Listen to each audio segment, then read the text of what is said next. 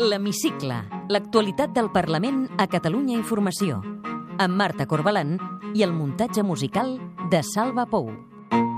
L'estat espanyol jutjarà 12 persones de pau per les seves idees i no per les seves accions. Però que no s'equivoquin. Les idees no es poden empresonar. A les portes del judici de l'1 d'octubre, el president del Parlament s'ha solidaritzat un cop més amb els processats.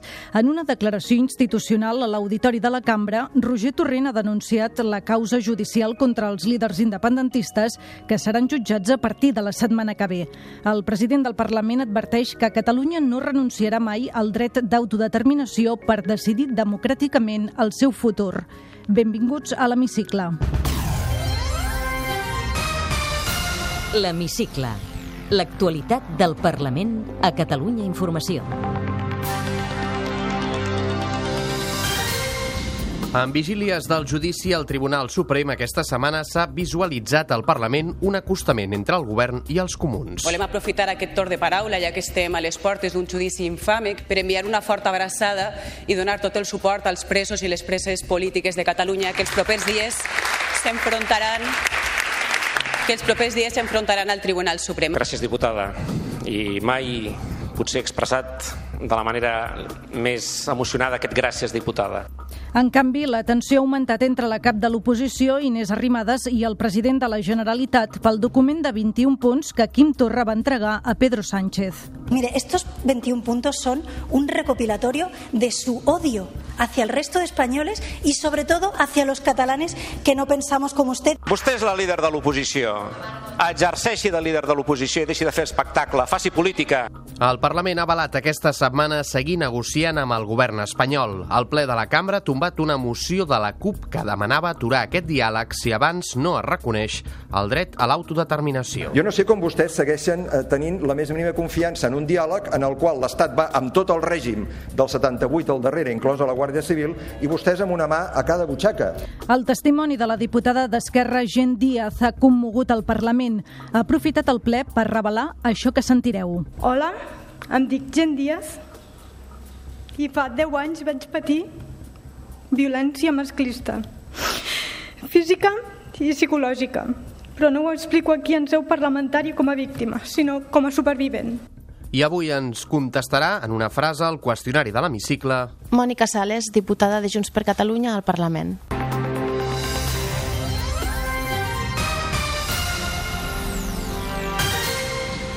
El president del Parlament compareixia aquest dijous a l'Auditori de la Cambra Catalana per llegir una declaració institucional de suport als processats abans que comenci el judici. Torrent denunciava irregularitats i vulneracions de drets durant el procediment judicial, un fet que, segons ell, no permet confiar en la celebració d'un judici just. Malgrat això, advertia que Catalunya no renunciarà mai al dret a l'autodeterminació. Ens ho explica l'Arnau Maimó. Va ser una declaració breu que Torrent llegia acompanyat del president Quim Torra, del vicepresident Pere Aragonès, de diversos consellers i de diputats de tots els grups independentistes i dels comuns.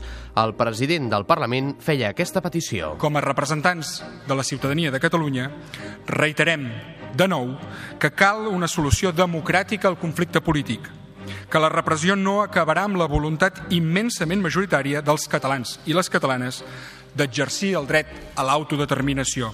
Torrent, que haurà de declarar com a testimoni durant el judici, insistia que perillen els drets i llibertats de tots els ciutadans. La persecució penal dels representants del poble de Catalunya i dels líders civils ha generat una crisi democràtica sense precedents que amenaça els drets i les llibertats de tota la ciutadania, no només dels independentistes. Torrent demanava al Tribunal Suprem poder tenir a la sala de vistes una delegació de diputats catalans durant el judici per seguir-lo en directe. El Suprem responia que permetrà la presència de dos diputats a cada sessió i només per la limitació d'espai. El president del Parlament també feia aquest compromís. Ens comprometem a treballar, a treballar sense descans per un país en què els conflictes polítics es resolguin fent política i no mitjançant els tribunals. Un país en què ningú pugui ser empresonat o s'hagi d'exiliar per les seves idees. Un país més democràtic, més just i més lliure. Moltíssimes gràcies.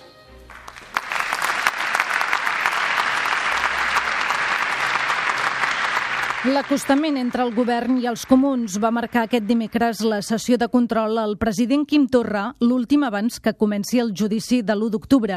En canvi, es va evidenciar una vegada més el distanciament cada cop més gran entre Torra i Ciutadans. Sessió de control. La cap de files dels comuns, Jessica Albiach, assegurava que el dret a decidir no és cap delicte i tenia unes paraules de suport als presos. Un gest que el president Torra va agrair i va correspondre amb l'anunci que faran una contraoferta als comuns perquè es tornin a seure a negociar els pressupostos de la Generalitat. Volem aprofitar aquest torn de paraula, ja que estem a les portes d'un judici infame que no s'hauria de produir mai, per enviar una forta abraçada i donar tot el suport als presos i les preses polítiques de Catalunya que els propers dies s'enfrontaran que els propers dies s'enfrontaran al Tribunal Suprem. Gràcies, diputada. I mai potser expressat de la manera més emocionada aquest gràcies, diputada. I aquesta mà estesa, nosaltres també voldríem que arribés, si em permeteu també, als pressupostos de la Generalitat. En els propers dies, ho hem estat parlant amb el vicepresident, farà una contraoferta. Un altre to va exhibir la cap de l'oposició, Inés Arrimadas, que protagonitzava un tens enfrontament amb el president de la Generalitat.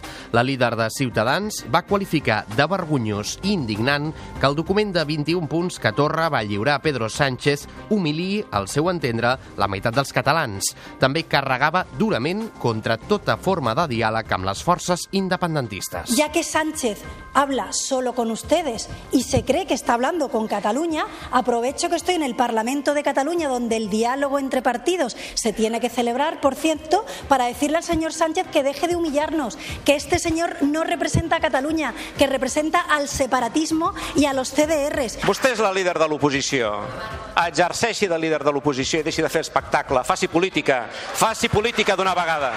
La tensió també es va viure amb Popular. El cap de files, Alejandro Fernández, lamentava que Torra equipari a Espanya amb una dictadura. Es usted el primer represaliado de la historia de la humanidad que se sube cada mañana en un coche oficial. Es usted el primer represaliado de la historia de la humanidad que cobra 147.000 euros al año, el doble de lo que cobra el presidente del gobierno del supuesto Estado opresor. Es usted el primer represaliado de la historia de la humanidad que lo pasa usted tan mal que lo primero que hizo fue subirse el sueldo un 5%. Menuda dictadura. Menudo sufrimiento el suyo, menuda jeta la suya. En primer lloc, calmis. Calmis. Quan vingui al Parlament de Catalunya, calmis. Jo li recomano, no sé, passegi una mica pel parc de la Ciutadella, escolti una mica de música, calmis i utilitzi un to i un llenguatge que en aquest Parlament estem acostumats.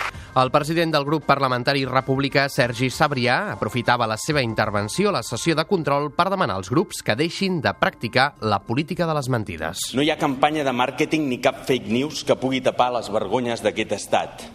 Per molts milions que es gastin, mai podran amagar els cops de porra ni la vergonya de tenir preses i presos polítics dels, a l'Europa del segle XXI. És per això que els vull demanar des d'aquí als grups que aturin ja aquesta pràctica. Des de Junts per Catalunya, el portaveu del grup, Albert Batet, denunciava la situació dels presos. Veiem agents de la Guàrdia Civil enriguent-se'n, enriguent-se'n de la gent i mofant-se dels presos. Veiem que a les presons només hi ha dues hores de calefacció diària. Veiem que estan limitant els seus drets veiem que estan limitant una, una presó preventiva totalment injusta. I enmig de la polèmica per la figura del relator entre els governs espanyol i català, el socialista Miquel Iceta esquivava el debat i optava per preguntar a Quim Torra per la nova àrea creada per garantir la seguretat del president i els expresidents. Certament, governar és prioritzar, és decidir, i des del nostre punt de vista la prioritat no era tant el reformar l'àrea de seguretat de la presidència, sinó en tot cas l'àrea de seguretat ciutadana ciutadana, és a dir, les polítiques públiques adreçades a millorar la percepció de seguretat de la ciutadania.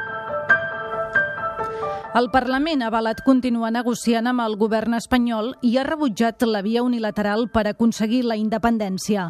En plenes converses entre els governs català i espanyol, Junts per Catalunya i Esquerra han evitat votar a favor d'una moció de la CUP que demanava aturar el diàleg amb l'Estat si abans no allibera els presos i exiliats i reconeix el dret a l'autodeterminació. El text que s'ha rebutjat també apostava per la via unilateral. El diputat de la CUP, Carles Riera, acusava Junts per Catalunya i Esquerra Esquerra de no posar línies vermelles al govern de Pedro Sánchez. Jo no sé com vostès segueixen eh, tenint la més mínima confiança en un diàleg en el qual l'Estat va amb tot el règim del 78 al darrere, inclosa la Guàrdia Civil, i vostès amb una mà a cada butxaca. Això és mantenir enganyada la població, assumeixin-ho, sisplau, Junts per Catalunya i Esquerra creuen que cal esgotar el diàleg sense renunciar a cap via democràtica i pacífica. Sentim els diputats Josep Costa i la republicana Irene Fornós. Un mandat democràtic com el que tenim nosaltres eh, ens obliga a nosaltres i obliga l'Estat a negociar, a seure a la taula, a dialogar i donar sortida a les reivindicacions polítiques. És per això que no podem votar a favor dels dos primers punts proposats per la moció de la CUP, perquè són dos punts que ens tanquen portes i no n'obren de noves. Serem ferms en la reclamació, però no abandonarem la nostra responsabilitat i ho reclamarem tant des del govern com des del carrer com des d'aquest hemicicle. I en plena defensa del diàleg, el Parlament ha estat escenari aquesta setmana de reunions per videoconferència entre el vicepresident Pere Aragonès i la consellera El Sartadi amb la vicepresidenta espanyola Carmen Calvo.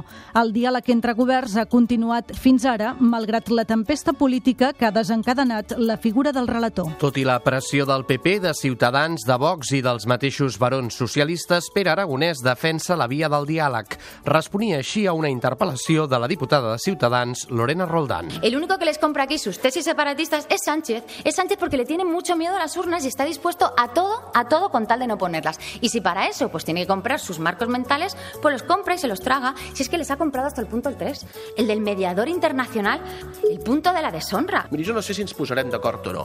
Sé que és molt difícil, que estem en un context molt complicat. Ara hi ha l'oportunitat d'intentar trobar si hi ha espai per a la negociació política i pel diàleg, que és el que ens demana la gent. Per tant, nosaltres parlarem amb qui sigui.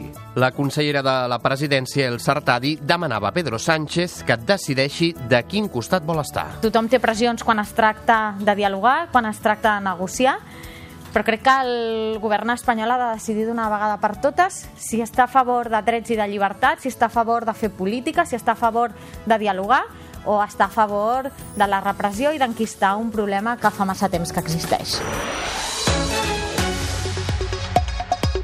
I al Parlament hi han passat altres coses aquesta setmana que repassem en format més breu. La Cambra Catalana ha posat fi al Consell Comarcal del Barcelonès creat el 1988. Tots els grups hi van votar a favor de la seva dissolució, excepte la CUP, que es va abstenir perquè reclamava una auditoria externa abans del seu tancament per les presumptes irregularitats que va detectar la Sindicatura de Comptes. La consellera de Cultura, Laura Borràs, ha anunciat que aquesta setmana ha requerit per carta la convocatòria de la Comissió Mixta Govern Espanyol espanyol Generalitat per desencallar la negociació del retorn pendent dels papers de Salamanca. Borràs ha denunciat que Salamanca continua retenint encara prop de 30.000 folis. I precisament en el ple d'aquesta setmana hem pogut sentir la consellera de Cultura respondre íntegrament en aranès a una pregunta de la diputada de Junts per Catalunya, Anna Geli, sobre la commemoració de la mort fa 10 anys de l'occitanista Robert Lafont. President, diputats, diputades, consellera Borràs, en 2010 2013 el Parlament de Catalunya aprovè que era llei de l'occità aranès en Aran. Té la paraula la senyora Laura Borràs, consellera de Cultura. El 24 de juny que ve, ara 10 anys de la mort de Robert Lafont, poeta romancer. L'hemicicle. L'actualitat del Parlament a Catalunya Informació. Té la paraula la diputada senyora Gent Díaz, com vulgui. Gràcies, president. Consellers, diputats, diputades, companyes, entitats... Bé, jo avui podria fer una intervenció com qualsevol altra, demanar als grups parlamentaris que, si us plau, si us plau no blanquegin el discurs negacionista d'alguns partits polítics. Podria contrastar les dades falses una a una per desmuntar-les, però he pensat que davant la fal·làcia l'únic que hem de fer és posar-nos un mirall al davant. Les dones estem fartes, estem enfadades i amb raó.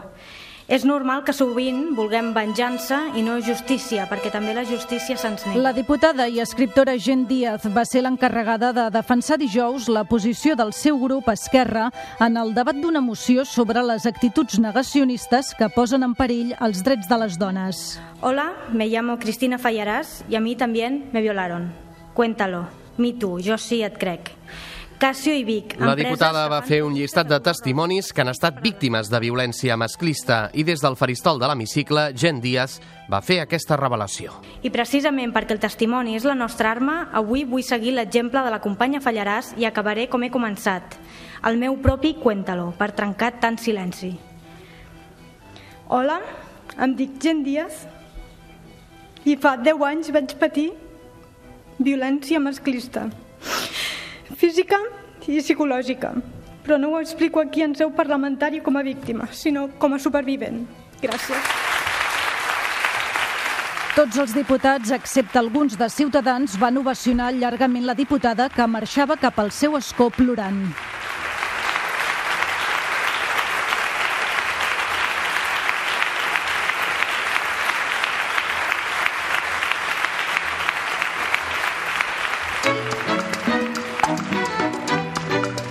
Té la paraula.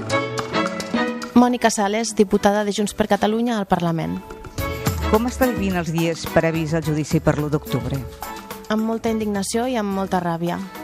Té confiança que serà un judici just? Cap confiança i més després de tot el que estem veient des de fa ja massa mesos. Té l'esperança que mai s'arribi a poder acordar un referèndum d'autodeterminació amb l'estat espanyol? Hem de poder-lo acordar per tirar endavant l'anel de Catalunya. I arribat al moment, vostè seria partidària, si no se'n surten d'una altra manera, d'aplicar una declaració unilateral d'independència? A partir de l'1 d'octubre, Catalunya ha marcat un canvi que no té retorn i, per tant, nosaltres hem de continuar traçant el nostre full. I repeteixo la pregunta, si les converses no fructifiquen, vostè seria partidària d'una d'UI? Sí. Vostè ha estat a Convergència Democràtica, al PDeCAT, encara hi és, és diputada per Junts per Catalunya, com ho porta tot això? És un moment complex, però no m'he mogut en cap moment de l'espai que em fa sentir còmoda i per tant vivint aquest moment complex amb tota sereno. S'ha apuntat a la crida? No, no me rebo la informació eh, perquè vaig fer el primer pas però no vaig assistir a, al Congrés Fundacional de la crida. I pense formalitzar-ho? De moment no, a l'espera de veure com evoluciona aquesta associació. Creu que s'ha d'investir Carles Puigdemont? Sense cap mena de dubte, jo sóc aquí per ell. No sembla que hi hagi massa acord amb Esquerra Republicana sobre aquesta qüestió. No sé com veu vostè la posició dels seus companys de, de govern. La posició nostra sí que la sé, i és que hi érem, hi som i continuarem sent i per tant hem de continuar treballant en aquesta direcció perquè aquest objectiu nostre d'investir el president Puigdemont siga viable. I Esquerra Republicana? Esquerra Republicana, nosaltres vam pactar amb ells la presidència del president Torrent en el seu moment, ells van pactar amb nosaltres la, presidència, la presidència del president Puigdemont, no va ser possible i tenim un gran president que és el president Torra, però el nostre treball continua dient que és investir el president Puigdemont. Per tant, entre tots hem d'arribar a trobar l'acord que faci possible aquesta investidura. Per tant, entendria vostè que Esquerra està d'alguna forma incomplint el seu compromís? No sé si podríem dir taxativament incomplint el seu compromís, però sí que és cert que el 30 de gener del 2018 nosaltres teníem un compromís ferm que era investir el president Puigdemont i això no va ser possible. Veu eleccions després del judici o creu que cal esgotar la legislatura sigui com sigui? Jo crec que serà difícil esgotar la legislatura i que haurem de veure com es van esdevenint els, totes les coses que vagin passant posteriors al judici i haurem de veure quin serà l'escenari en què quedarà Catalunya fruit d'aquest judici que tindrà segurament condemnes i haurem de veure quin és el camí que s'haurà de seguir. Vostè viu a Jesús? Sí. I com s'ho fa perquè no és aquí a la vora, justament? Carretera amunt i avall i transport públic sempre que puc. Digui'm eh, com resoldre els desnonaments d'aquelles persones que no tenen cap altra alternativa, cap altra vivenda. Això crec que és un tema que ens preocupa molt a tots i que hem de ser possibles de trobar els recursos eh, per, per veure quina és la millor situació per a aquestes persones. I crec que una de les coses que estem fent les persones que, que creiem en aquesta república és intentar construir un país millor perquè puguem emparar aquestes persones que viuen en una situació com aquesta. I què cal fer per solucionar la pobresa energètica que afecta tantes famílies? El mateix, intentar trobar els recursos possibles com a país per millorar la situació d'aquestes famílies. Com cal donar més visibilitat a les dones, en aquest cas en l'àmbit polític? No sé si vostè creu que són poc visibles encara. Hem de fer passos ferms nosaltres mateixes i hem de creure molt en les nostres possibilitats i les nostres capacitats i una vegada nosaltres mateixes hem pres també la decisió de fer un pas endavant, encoratjar la resta perquè també el facin. Quina llei li agradaria aprovar abans que acabi aquesta legislatura, sigui quan sigui?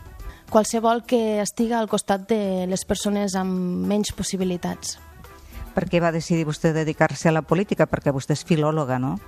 Sí, jo sóc filòloga catalana i vaig decidir implicar-me en política per intentar millorar la societat i sobretot en aquest moment en què estem treballant per la República Catalana. I quan la deixi tornarà a les aules? Sí, per descomptat. Utilitza la sanitat pública? Sí. En exclusiva? En exclusiva. Té pis de lloguer o de propietat? Visc amb els meus pares. Amb quin diputat o diputada que no sigui del seu propi grup aniria a dinar, a compartir taula i a fer una conversa distesa i s'hi trobaria a gust? Amb Irene Fornós, la diputada d'Esquerra de l'Ebre. Digui'm un pecat confessable. Sortir de festa fins a altes hores. Quin és el seu paisatge preferit? Qualsevol que puga trobar a les Terres de l'Ebre. I els seus hobbies? Llegir i conversar llargament amb les meves amigues. Sobre la lectura, té algun llibre de capçalera? Primavera, estiu, etc. de Marta Rojals. Una música que l'identifiqui? Mm, qualsevol de música pop. Què la fa somriure inevitablement a vostè? La mirada del meu fill. Què és el que li fa por? La inseguretat. Les meues inseguretats personals. Creu en l'amor a primera vista? No. Completim aquesta frase. El que més m'agradaria del món és... Ser feliç. Moltes gràcies. A tu. Podeu tornar a escoltar l'Hemicicle al web catradio.cat barra hemicicle o al podcast del programa i seguir l'actualitat del Parlament al perfil de Twitter arroba L-hemicicle.